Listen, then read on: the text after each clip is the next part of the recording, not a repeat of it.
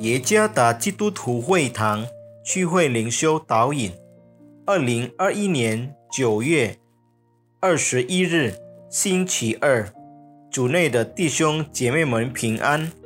今天的灵修导引，我们要借着圣经《使徒行传》第八章第九到二十五节来思想今天的主题：个人意图。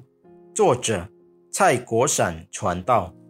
使徒行传第八章第九到二十五节，有一个人名叫西门，向来在那城里行邪术，妄自尊大，使撒玛利亚的百姓惊奇。无论大小都听从他，说：“这人就是那称为神的大能者。”他们听从他，因他久用邪术，使他们惊奇。直至他们信了腓力所传神国的福音和耶稣基督的名，连男带女就受了洗。西门自己也信了，既受了洗，就常与腓力在一处，看见他所行的神迹和大异能，就甚惊奇。使徒在耶路撒冷听见撒玛利亚人领受了神的道。就打发彼得、约翰往他们那里去。两个人到了，就为他们祷告，要叫他们受圣灵，因为圣灵还没有降在他们一个人身上。他们只奉主耶稣的名受了洗。于是使徒按手在他们头上，他们就受了圣灵。西门看见使徒按手。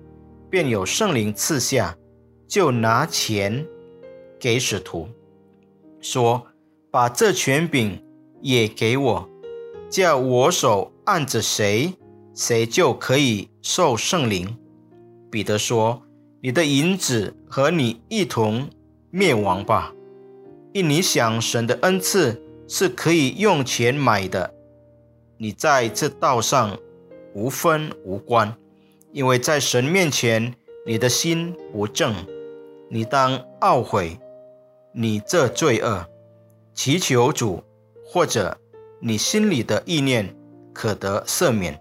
我看出你正在苦胆之中被罪恶捆绑。西门说：“愿你们为我求主，叫你们所说的没有一样临到我身上。”使徒既证明主道。而且传讲，就回耶路撒冷去，一路在撒玛利亚好些村庄传扬福音。圣经中最悲伤的故事之一是来自撒玛利亚的行邪术西门的故事。他最初以他的邪术而闻名，但在听到腓力传给撒玛利亚人的福音信息后，他对所传达的信息很感兴趣，他相信并受了洗。参考第十三节。然后耶路撒冷的使徒差派彼得和约翰向撒玛利亚人传讲圣灵的恩赐。撒玛利亚人还没有接受有关圣灵能力的真理，因为洗礼。只是介绍了耶稣基督的名字。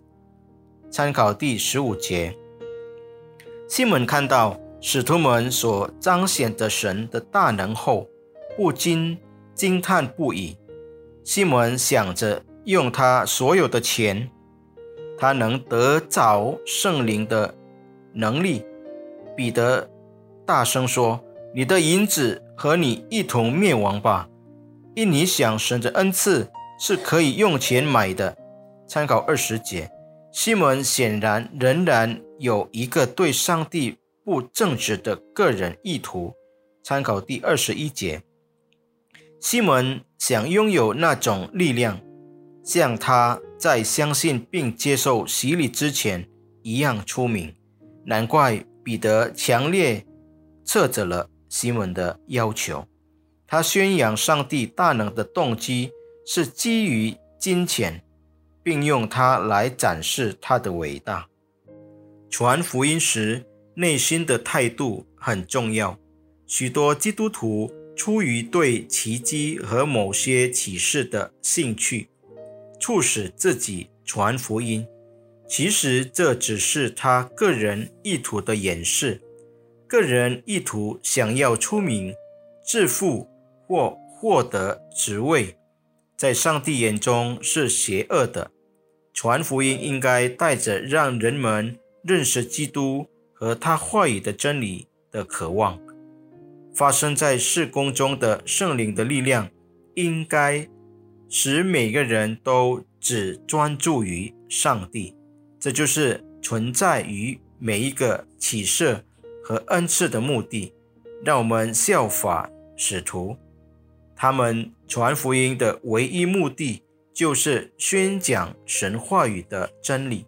他们则以基督为中心，没有别的。有个人意图的人的特征是：若无个人利益，则对传福音不感兴趣。